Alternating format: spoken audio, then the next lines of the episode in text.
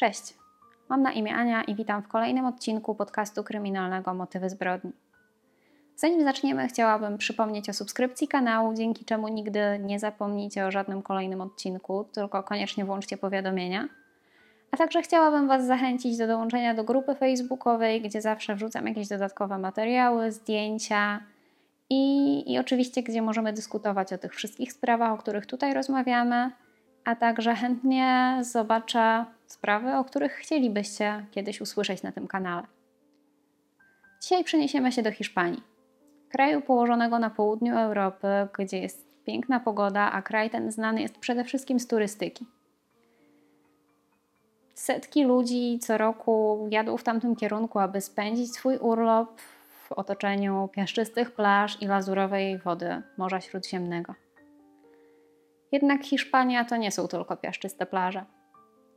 To również piękne pasma górskie oraz zielony krajobraz kraju Basków. O czym miał się przekonać dziesięcioletni Juan Pedro Martinez. 25 czerwca 1986 roku Maria Legas odbiera telefon. Po drugiej stronie starsza kobieta słyszy oficera hiszpańskiej policji Guardia Civil. Mężczyzna ma dla niej złe wiadomości. Informuje ją, że tego dnia w wypadku samochodowym stracili życie jej córka i jej zięć. Wypadek miał miejsce 100 km na północ od Madrytu na przełęczy Samosierra. W tym momencie kobieta zadaje tylko jedno pytanie. A chłopiec?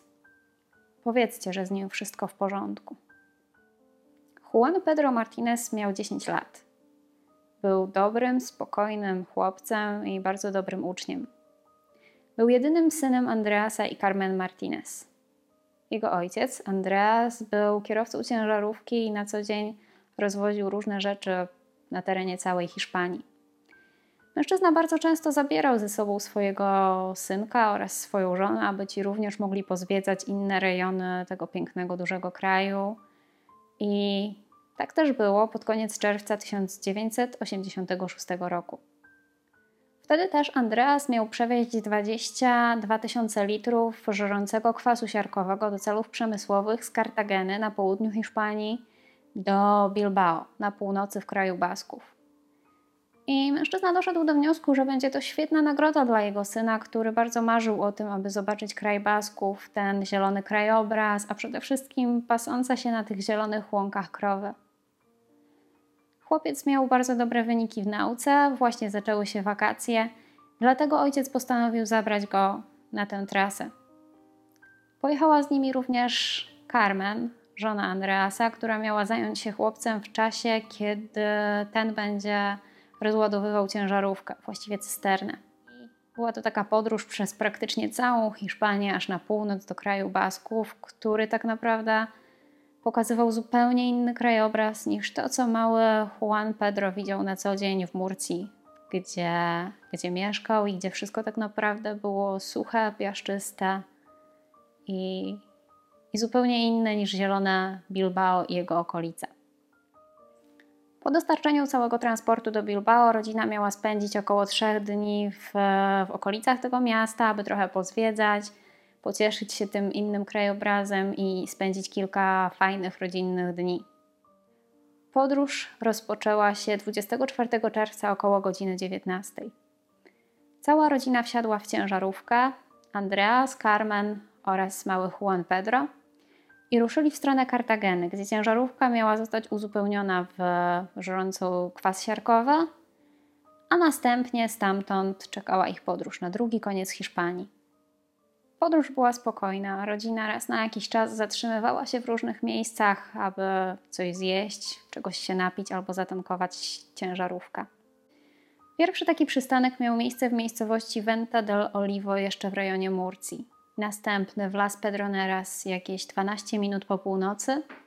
Natomiast trzeci przystanek miał miejsce na stacji benzynowej niedaleko Madrytu około trzeciej nad ranem. Ostatni przystanek miał miejsce o 5.30 w zajeździe Aragon w miejscowości Cabanilas de la Sierra. Było to jakieś 60 km na północ od Madrytu, tuż na początku przełęczy Samosierra. Kelner z zajazdu Aragon pamiętał rodzinę dość dobrze, było dość wcześnie, więc nie było dużego ruchu. Pamiętał taką zwyczajną hiszpańską rodzinę, mężczyznę, kobietę i chłopca. Pamiętał, że zamówili dwie kawy a, oraz ciastko dla chłopca. Zjedli to, co zamówili, wyszli, wsiedli do ciężarówki i odjechali. Mężczyzna również twierdził, że chłopiec dość mocno zapadł mu w pamięć, ponieważ był ubrany cały na czerwono. Miał czerwoną koszulkę i czerwone spodnie. Co prawda, kelner nie widział dokładnie momentu, kiedy rodzina wsiadała do ciężarówki, natomiast zauważył, kiedy ta ciężarówka odjeżdżała z parkingu. Tego, co miało wydarzyć się tuż po tym postoju, nie mógł prawdopodobnie przewidzieć nikt i do dzisiaj też nie do końca wiadomo, co tak naprawdę się wydarzyło. Cysterna Volvo F12 kierowała się w stronę przełęczy Samosierra jednopasmową autostradą. Około godziny 6 rano, według informacji, które zostały pozyskane z tachografu, czyli takiego urządzenia, które monitoruje ruch ciężarówki, okazało się, że ciężarówka od 6 zrobiła około 12 takich bardzo krótkich przystanków, kilkusekundowych. Najkrótszy z nich trwał nawet mniej niż sekundę, natomiast najdłuższy z nich, najbardziej podejrzany, trwał około 20 sekund. Kierowcy pytani o ten odcinek drogi twierdzą, że nie są w stanie podać logicznego wytłumaczenia takich postojów na tej, na tej trasie. Nigdy nie ma tam korków, nie ma tam raczej takich zwierząt, które przebiegają przez drogę, nie ma zupełnie nic, co mogłoby spowodować tak krótkie przystanki i tyle przystanków na tak niewielkiej trasie. Również, jak czytamy w późniejszych raportach, pogoda tego dnia była bardzo dobra, droga była w dobrym stanie, świeciło słońce, nie padał deszcz, jezdnia była sucha. Zupełnie nie przychodzi tutaj żadne logiczne wyjaśnienie tych 12 przystanków. Ale to nie wszystko. O 6.40 ciężarówka z. 6.40 cysterna zjeżdża drogą w dół. Rozpoczyna ten zjazd z prędkością 10-20 km na godzinę i stopniowo się rozpędza. Wszystko wygląda tak, jakby kierowca ciężarówki miał jakąś wadę hamulców, ewentualnie nie był w stanie zapanować nad samochodem. W końcu ciężarówka rozpędza się do 110 km na godzinę. Wszystko wygląda na to, że kierowca w jakiś sposób zapanował nad samochodem, udało mu się wyjechać z zakrętu i wyjechać na prostą drogę. Jednak w tym momencie przed nim pojawiają się trzy kolejne ciężarówki. Mężczyzna próbuje je mijać. Kierowcą tej nieopanowanej ciężarówki jest oczywiście Andreas Martinez. Udaje mu się minąć pierwszą ciężarówkę. Kiedy dojeżdża do drugiej, mijają w tak bliskiej odległości, że urywa jej lusterko. Z trzecią ciężarówką jest już trochę gorzej, ponieważ mężczyzna spycha ją z drogi. W tym momencie z naprzeciwka w kierunku Madrytu jedzie inna ciężarówka. Jedzie z prędkością 140 km na godzinę i zderza się czołowo z ciężarówką Andreasa. Dochodzi do wypadku. Ciężarówka przewraca się na bok, a siła uderzenia powoduje pęknięcie zbiornika wypełnionego żerącym kwasem siarkowym. Kwas wylewa się w całej okolicy, wylewa się również na kabinę samochodu, a w powietrze unosi się toksyczna chmura. Wśród ofiar wypadku jest jeszcze czterech kierowców, poza tymi dwoma osobami, które jechały w ciężarówce, która została najbardziej poszkodowana. Trzech z nich jest, czuje się dobrze, nic im się nie stało, natomiast czwarty kierowca, który był w ciężarówce, z którą doszło do tego czołowego zdarzenia, nie jest w najlepszym stanie. Na miejsce wypadku jak najprędzej przyjeżdżają służby ratowni ratownicze i niestety, mimo iż przybyły bardzo szybko, to osób siedzących w przewróconej ciężarówce nie udaje się uratować. Znajdują tam 34-letnią kobietę i 36-letniego mężczyznę. Jest to Andreas i Carmen Martinez. Wtedy też ma miejsce telefon, o którym już wspominałam. Policjant dzwoni do matki Carmen Martinez i informuje ją o tym, że doszło do wypadku, w którym zginęła jej córka oraz mąż tej córki. To, co słyszy policjant, sprawia, że wszystko nabiera zupełnie innej perspektywy, ponieważ słyszy o tym, że na miejscu wypadku powinno być jeszcze dziecko, ale dziecka tam nie ma. Nikt nie widział chłopca. Kiedy policjant otrzymał informację, że na miejscu wypadku brakuje jeszcze jednej osoby, która podróżowała tą ciężarówką, rozpoczęły się poszukiwania. Nikt z osób będących na miejscu nie wierzył, że dziecko mogło ten wypadek przeżyć. Zaczęli poszukiwania od terenu przy ciężarówce, przeszukali również ciężarówkę, jednak przyszło im do głowy, że być może w trakcie wypadku, w trakcie tego zdarzenia dziecko mogło wypaść. Więc poszukiwania miały miejsce na trochę większym terenie, ale nigdzie nie było śladu chłopca. Kiedy przyjechał dźwig i podniesiono wrak ciężarówki, udało się odnaleźć rzeczy chłopca, które były w kabinie, ale również nie było żadnego śladu jego obecności. Jedyne, co udało się znaleźć w okolicy, to była gumowa podeszwa buta, która jednak okazało się, że prawdopodobnie leżała tam trochę dłużej i nie należała do Juana Pedro. W poszukiwaniach chłopca poza policją brało udział także wojsko oraz wielu ochotników. Przeszukano cały teren w okolicy miejsca, gdzie doszło do wypadku i nie znaleziono ani śladu obecności dziesięcioletniego Juana Pedro. Wszystko wyglądało tak, jakby chłopca nie było w ciężarówce w trakcie, kiedy doszło do katastrofy. W tym momencie dziecko otrzymało status osoby zaginionej i rozpoczęły się poszukiwania małego Juana w całej Hiszpanii. Natomiast policja postanowiła, że przyjrzą się trochę bliżej temu, co się wydarzyło tak naprawdę na przełęczy Samosierra. Postanowili prześledzić całą trasę, którą pokonała ciężarówka w czasie, kiedy wyjechała z Kartaginy i, i miała dojechać do Bilbao, natomiast wydarzył się ten wypadek. Sprawdzono również stan techniczny pojazdu. I tutaj rzecz bardzo ciekawa, ponieważ okazuje się, że z samochodem wszystko było w porządku. Hamulce pojazdu były jak najbardziej sprawne, więc wygląda na to, że wszystko, co kierowca robił, kiedy miały miejsce te dziwne przystanki, ten, to rozpędzanie samochodu, że to wszystko było celowe. Tylko dlaczego? W międzyczasie pojawiła się jeszcze jedna informacja od kierowcy ciężarówki, która została zepchnięta z drogi przez ciężarówkę Andreasa. Mężczyzna powiedział, że tuż po tym, kiedy nastąpił cały wypadek i byli tam tylko oni, na miejscu wypadku pojawił się samochód, biały Nissan Vanette i z samochodu zatrzymał się na miejscu wypadku. Z samochodu wysiadł wysoki mężczyzna z wąsem i z obcym akcentem, i w samochodzie była również kobieta o blond włosach, która także wysiadła. Część źródeł mówi również o tym, że z tyłu siedziała starsza pani, natomiast nie jest to informacja w 100% potwierdzona. Mężczyzna z wąsem powiedział, że jego żona jest pielęgniarką i żeby niczym się nie martwili. Kobieta podeszła do tego kierowcy, który opowiada tą historię. Pobieżnie sprawdziła jego jakieś tam lekkie zadrapania, Następnie udała się do kierowcy, który był dużo bardziej poszkodowany, z tej ciężarówki, która brała udział w czołowym zderzeniu. Opatrzyła jego rany, po czym wsiedli do samochodu i odjechali. Informacje o białym samochodzie potwierdziła, potwierdziły także inne osoby, a mianowicie pasterze, którzy nieopodal miejsca wypadku akurat e, wypełniali swoje obowiązki.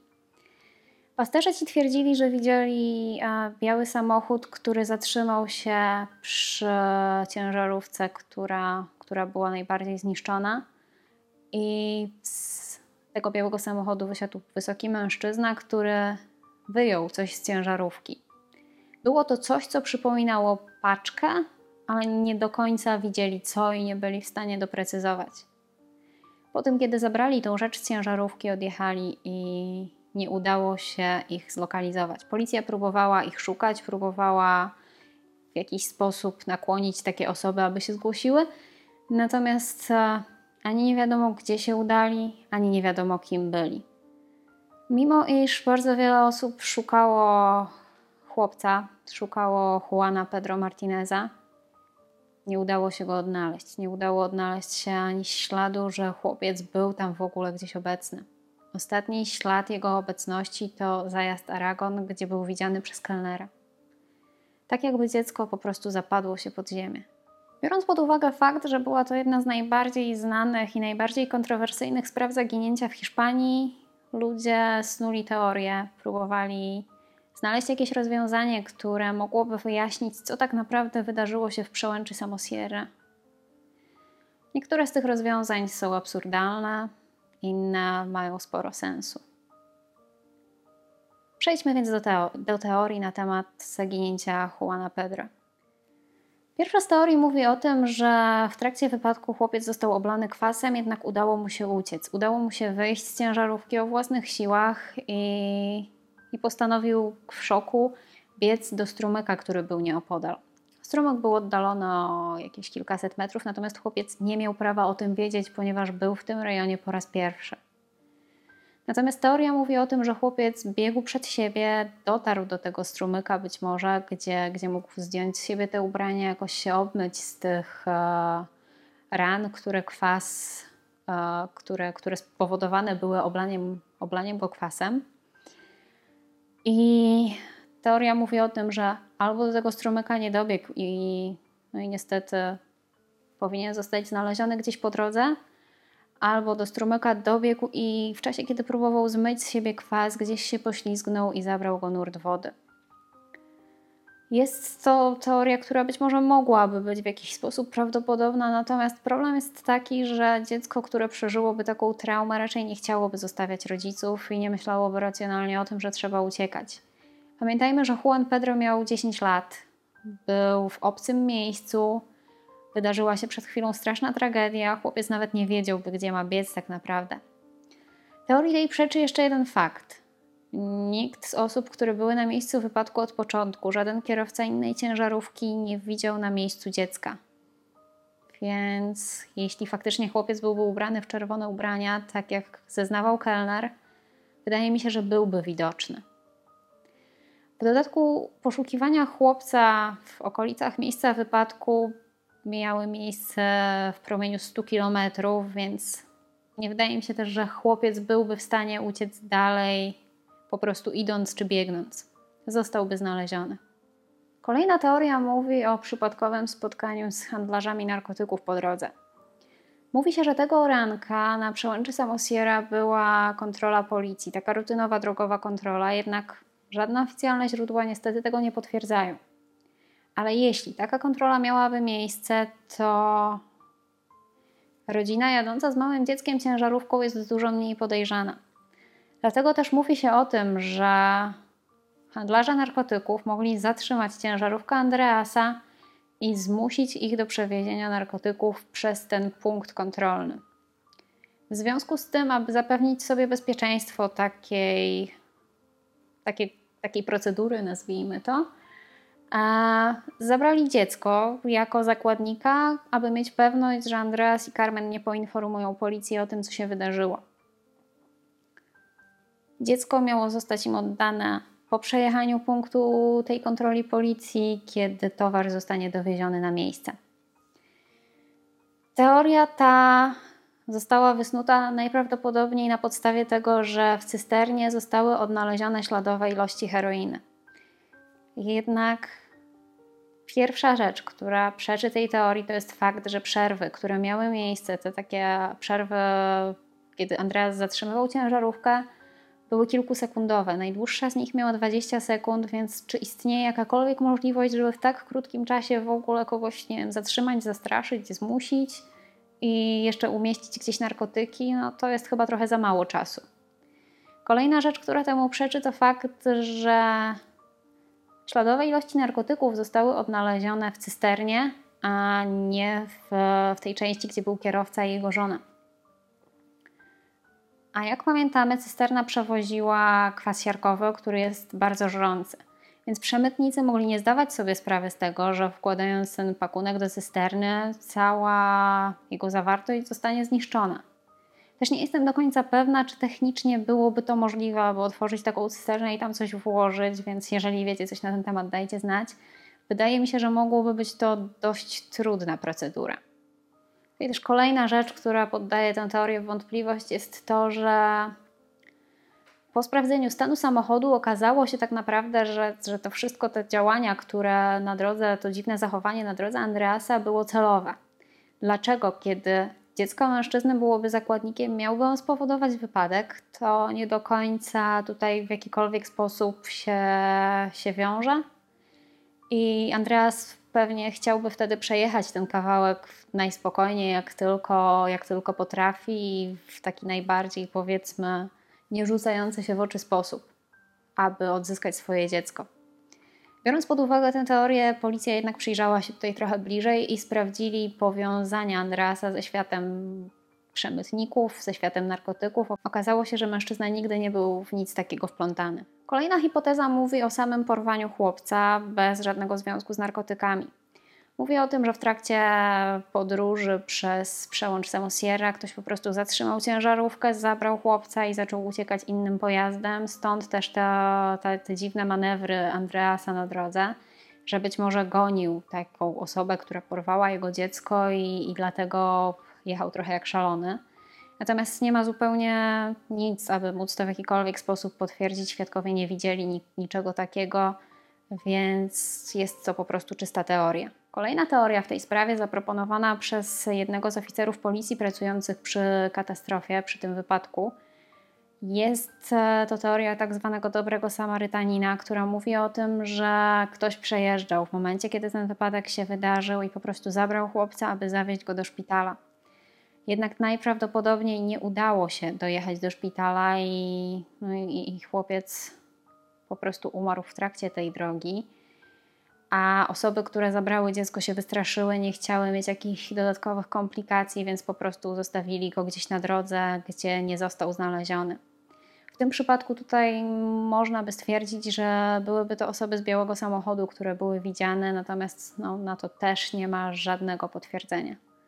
Kolejna hipoteza mówi o tym, że mogło dojść do porwania całej rodziny, że w trakcie tego postoju przy zajeździe Aragon ktoś mógł wsiąść do samochodu, ktoś mógł wsiąść do tej ciężarówki i kiedy Andreas ruszył, rodzina zorientowała się, że nie są sami. Dlatego też e, doszło do tego dziwnego zachowania na drodze. Może wybuchła jakaś kłótnia, może ktoś próbował mu grozić, a Andreas próbował ratować swoją rodzinę. Natomiast nie potwierdza to w żaden sposób faktu nie potwierdza to i nie tłumaczy to w żaden sposób tego, co wydarzyło się z dzieckiem, które nie jest, nie, nie było, którego nie było na miejscu wypadku i które nie zostało odnalezione. Kiedy historia zaginionego Juana Pedro Martineza została nagłośniona, zaczęły pojawiać się osoby, które twierdziły, że widziały chłopca gdzieś na terenie Hiszpanii. Kilka dni po tym, kiedy doszło do wypadku na przełęczy Samosierra, osoba w Bilbao stwierdziła, że widziała takiego chłopca i, i że to na pewno był Juan Pedro. Natomiast rok później, w 1987 roku, e, instruktor nauki jazdy w Madrycie zauważył kobietę, która weszła do jego biura, aby zapytać o drogę do ambasady amerykańskiej. Kobieta ta była niewidoma Natomiast był z nią chłopiec na około 10-11-letni. Chłopiec miał andaluzyjski akcent, co niestety nie pasowałoby do Juana Pedro, ponieważ ten pochodził z Murcji, a w Hiszpanii te akcenty są tak powiedzmy dość silne i, i dość łatwo jest rozróżnić, e, który jest z którego rejonu. Natomiast mężczyzna był na 110% przekonany, że ten chłopiec to jest Juan Pedro Martinez. Próbował e, chodzić z tym do Czerwonego Krzyża, mówił na policji, że, że widział tego chłopca. A także tutaj była taka dziwna sytuacja, kiedy mężczyzna zapytał kobietę o chłopca, to oni tak jakby od razu wyszli z tej jego szkoły jazdy. I to już jest w sumie wszystko w sprawie zaginięcia dziesięcioletniego hiszpańskiego chłopca, który podróżował ze swoimi rodzicami, aby zobaczyć piękne krajobrazy kraju Basków. Historia niezwyk niezwykle ciekawa i, i niezwykle zagadkowa i tajemnicza. Historia, którą Hiszpania żyła przez bardzo długi czas. Dajcie znać w komentarzach, czy wy wiecie coś więcej na temat zaginięcia Juana Pedro Martineza, czy słyszeliście o jakichś innych teoriach, które być może są możliwe i oczywiście, czy słyszeliście w ogóle o tej sprawie. Dziękuję za obejrzenie filmu do końca. Jeżeli Wam się podobał, to pamiętajcie o zostawieniu łapki w górę, dzięki czemu ten film będzie mógł dotrzeć do większej liczby odbiorców, a dla każdego twórcy to jest jednak na plus. I dziękuję, kochani, za obejrzenie do końca. Trzymajcie się, dbajcie o siebie. Cześć.